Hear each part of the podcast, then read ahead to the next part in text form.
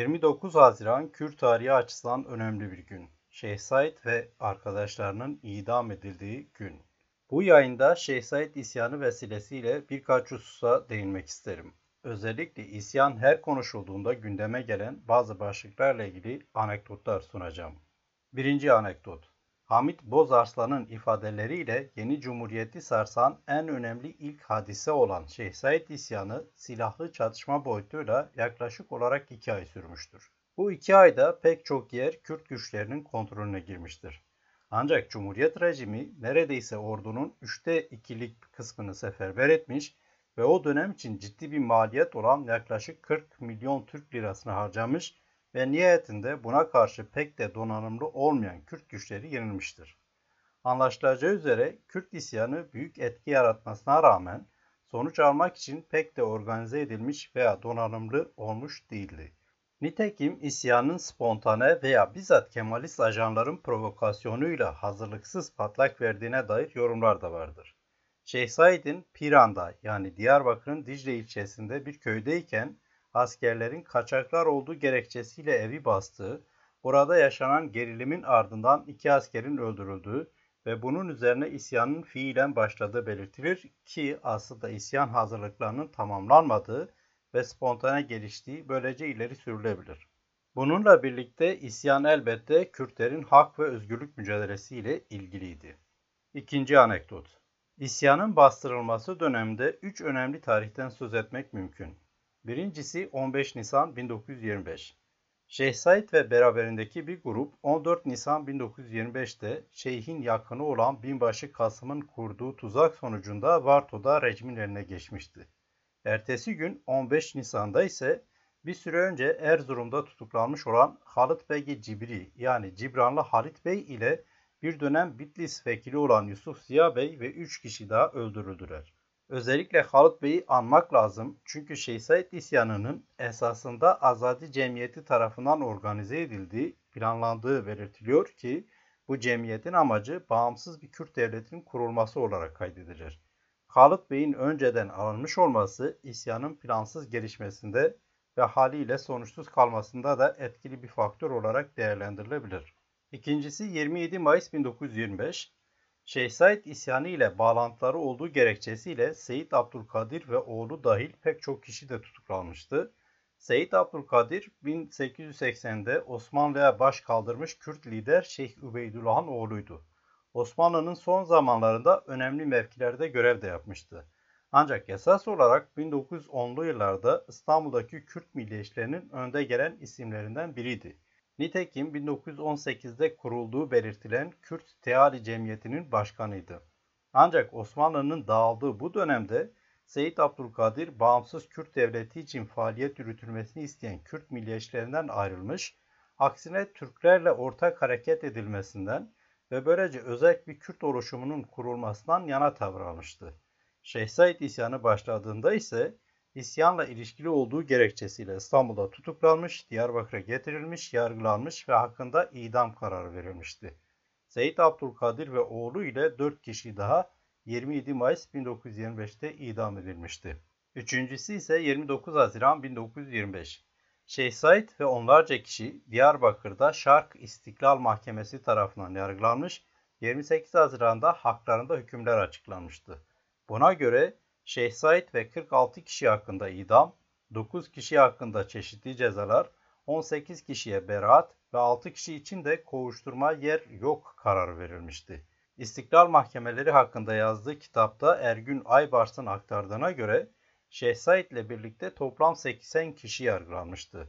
Mahkemenin savcısı Sırrı Süreyya Örge Evren'in verdiği bilgiye göre tek amacı Ceberut ve Türkçü devleti korumak olan Şark İstiklal Mahkemesi 23 Şubat 1926'ya kadar yani isyandan bir yıl sonraya kadar toplamda 3500 kişiyi yargılamıştı.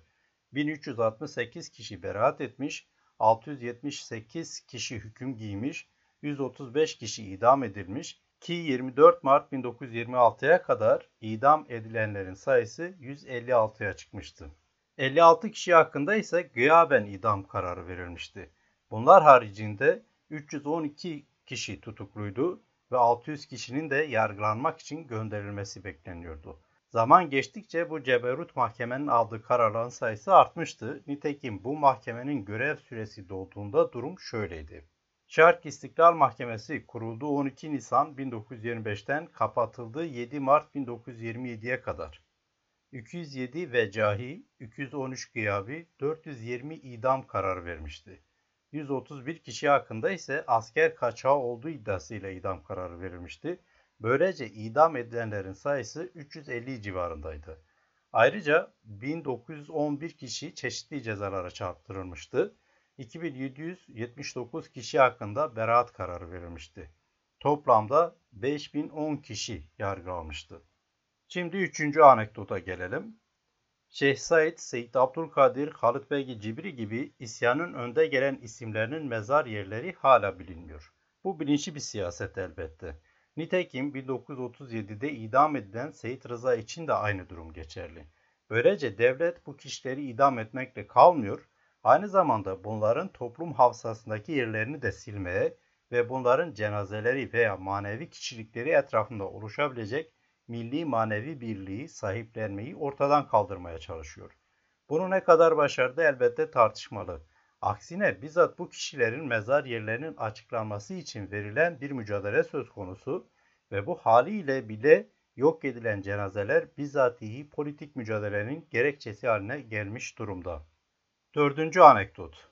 İsyanın esas önemli bilançosu ise bizzat Kürt toplumuna ve kimliğine yönelik uygulamalardır.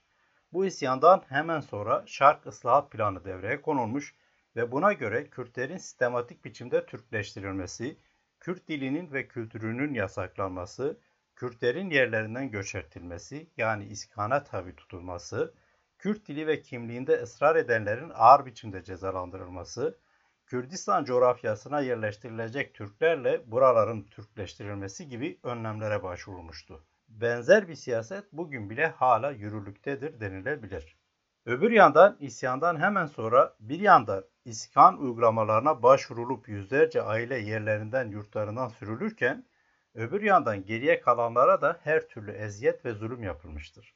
Özellikle isyandan sonraki iki yıl boyunca isyanın etkili olduğu bölgede askeri hareketlilik devam ettirilmiş, tarama ve arama faaliyetleri adı altında yüzlerce köy yakılmış, binlerce insan öldürülmüştür.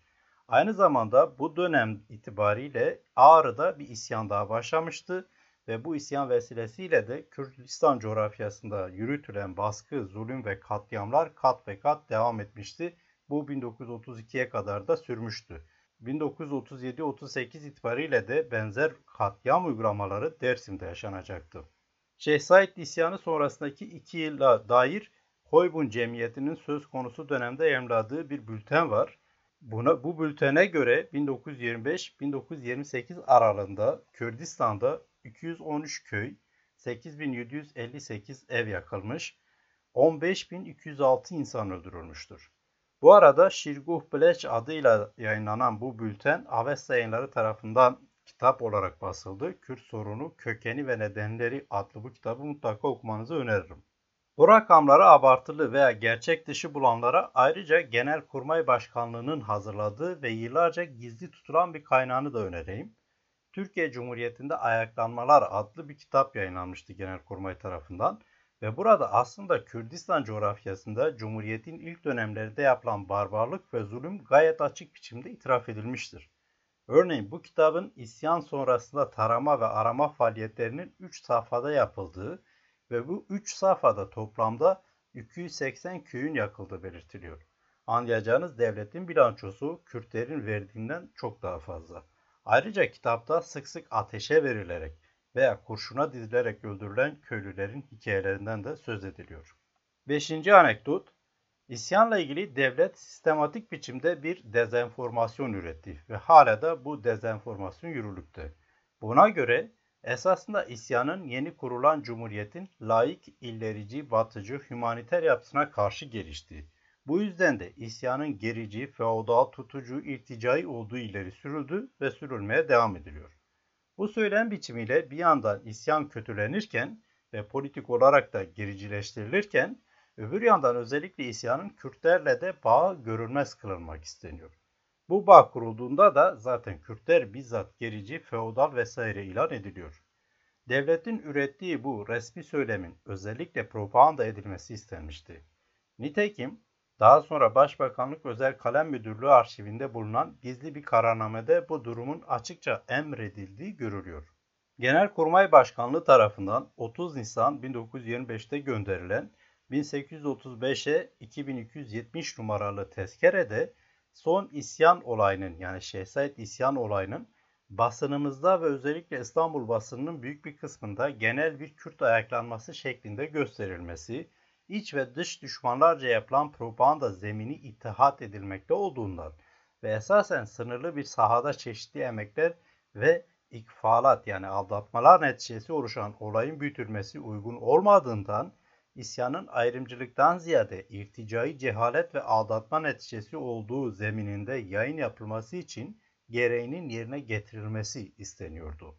Özcesi isyanın Kürt hakları ile ilgisinin kurulmaması, aksine karalanması için irtica vurgusunun öne çıkarılması emrediliyordu ve bugüne kadar da olan bu. Ancak buna rağmen gerçek farklıydı. Çünkü Şeyh Said ve arkadaşları hakkında idam kararını açıklayan Şark İstiklal Mahkemesi Başkanı Mazhar Müfit Kansu şöyle diyordu. Kiminiz hasis şahsi menfaatlerinize bir zümreyi alet, kiminiz ecnebi kışkırtmasını ve siyasi hırslarını rehber ederek hepiniz bir noktaya yani müstakil Kürdistan teşkiline doğru yürüdünüz.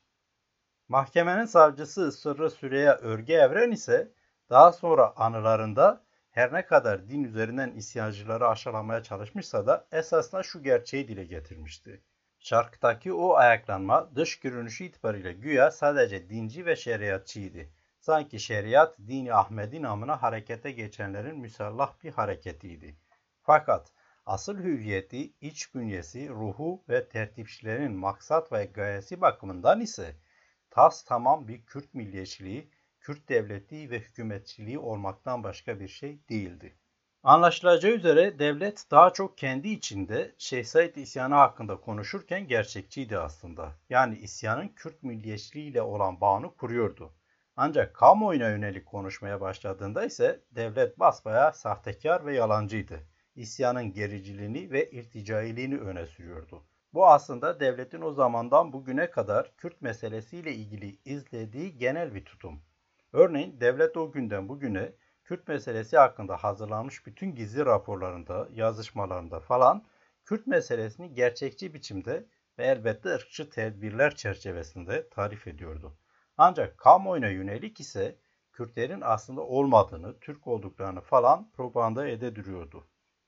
Altıncı anekdot Mahkeme Başkanı Mazhar Müfit Kansu idam kararlarını açıklarken her ne kadar isyanın amacı hakkında doğru ifadeler kullanmışsa da Aynı zamanda devletin isyan hakkındaki söylemlerini de bir çırpıda özetlemişti. Onlardan biri de dış güçler meselesiydi. Doğrusu devlet kurulduğundan beri Kürt meselesiyle ilgili bütün gelişmeleri, olup bitenleri dış güçler ile izah etmeyi tercih ediyor. Hatta bu sadece Cumhuriyet dönemiyle de sınırlı değil. Osmanlı zamanında da benzer bir siyasi söylem vardı. Örneğin Osmanlı 1880'deki Şeyh Ubeydullah isyanının arkasında İran'ı, Rusya'yı, Fransa'yı ve elbette İngilizleri aramıştı. Bu güçleri işaret etmişti. Mesele şu ki bu iddiayla devlet bir yandan Kürt hareketlerini küçümsüyor, buna göre Kürtlerin ve onlar adına yola çıkanların tek başlarına bu tür politik faaliyetlerde bulunamayacaklarını ileri sürüyor. Çünkü onlar bu kadar politikadan vesaireden anlamazlar diyor. Ancak öbür yandan meselenin gerçek yüzünü görmek ve bununla yüzleşmek istemiyor. Bu yüzden dış güçleri işin içine sokuyor. Nihayetinde devlete göre eskiden beri aslında Kürt diye bir millet yoktu. Varsa da Türk kardeşleriyle hiçbir sorunlar yoktu. Sorun yaratanlar da Kürt diye bir millet ortaya çıkarmaya çalışanlardır veya Türk-Kürt ilişkilerini bozmayı amaçlayanlardır. Yani Kürtçülük yapanlar var devlete göre ve bunlar sünni ya da yapay gündem yaratıyorlar. Bugün de aynı söylemler söylenmeye devam ediyor. Yedinci anekdot. Şeyh Said isyanı ile ilgili sol görüş açısından da durumu değerlendirmekte fayda var. Nitekim öteden beri sol görüşe sahip kişi veya oluşumların neredeyse tamamı isyanı devletin ileri sürdüğü argümanlarla ele aldığı söylenebilir.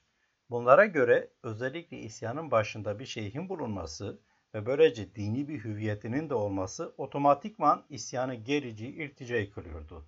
Aynı zamanda ağaların da işin içine katılmasıyla aynı zamanda isyan feodal oluyordu.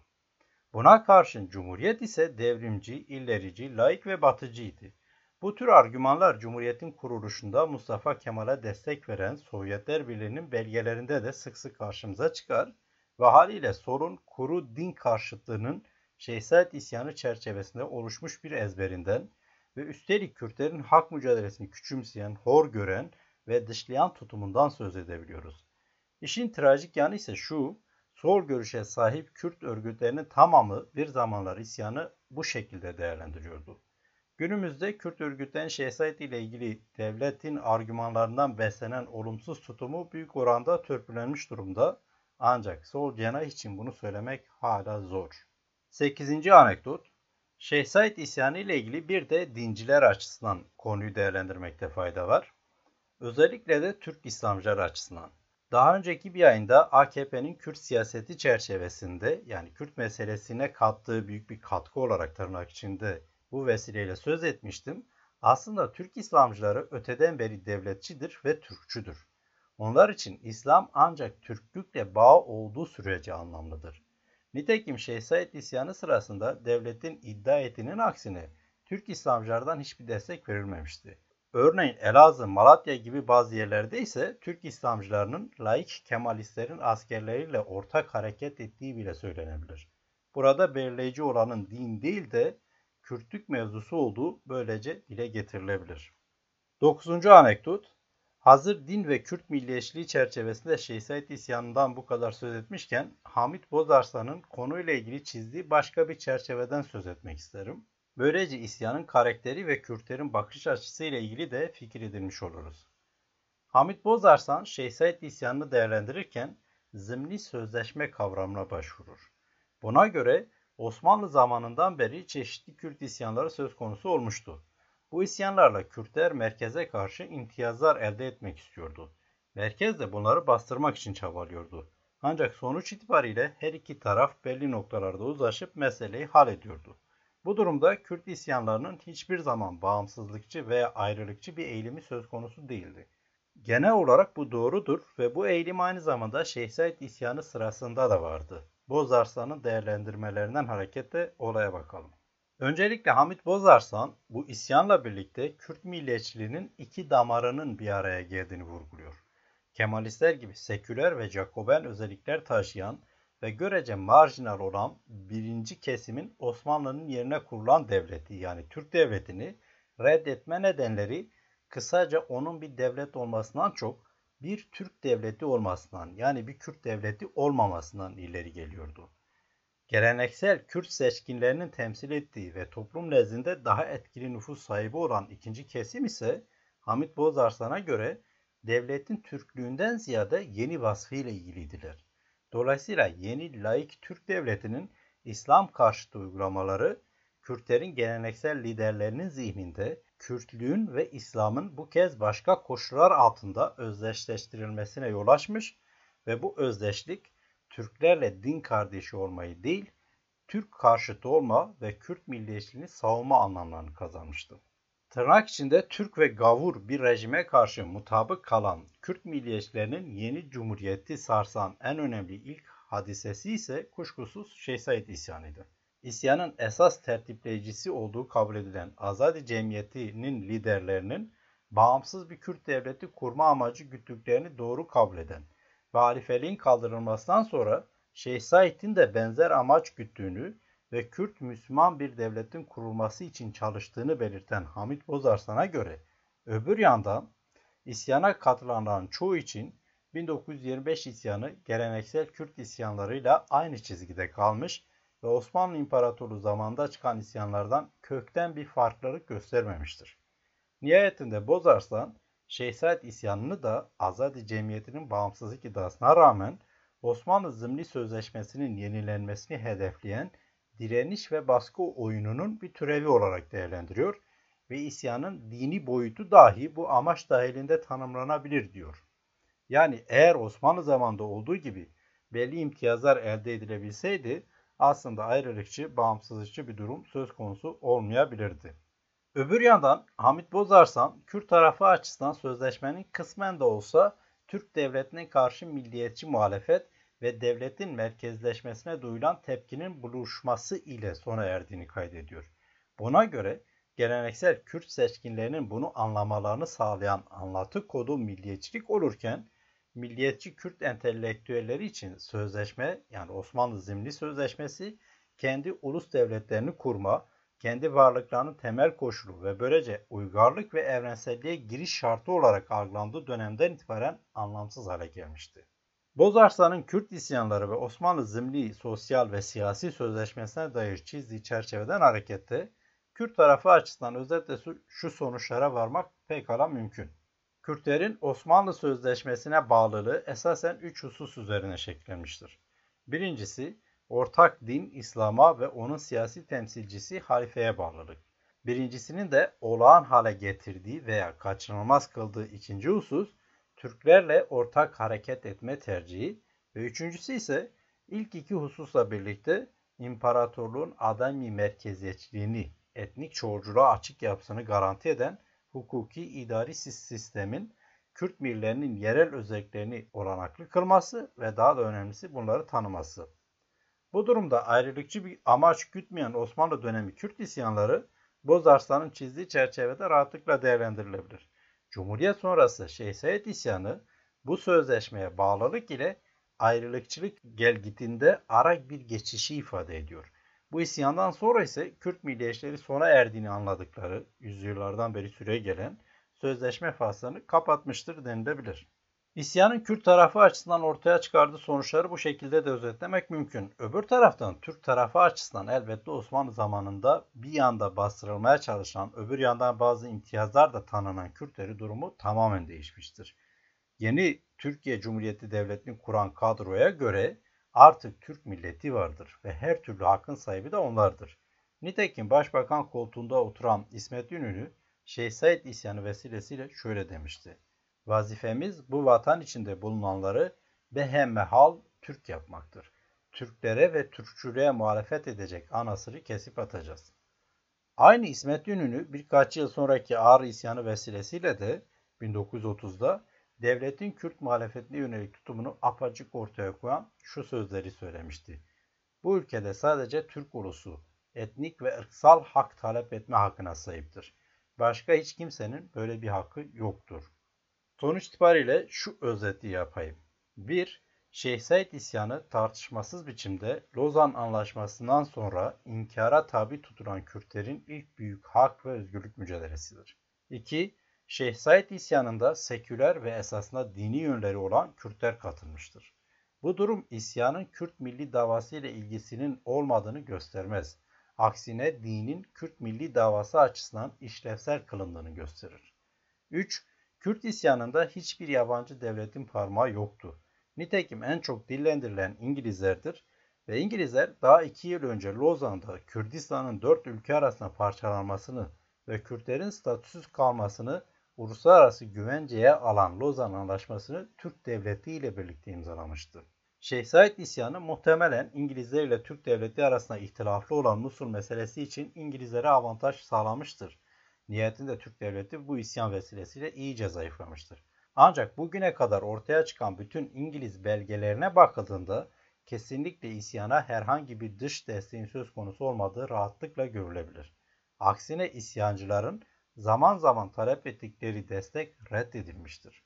4. Kürt isyanı gerici falan olmadığı gibi bu isyanın sonrasında yapılan katliamlardan da açıkça anlaşılabileceği üzere esas gerici ve ceberut olan Türk devletiydi.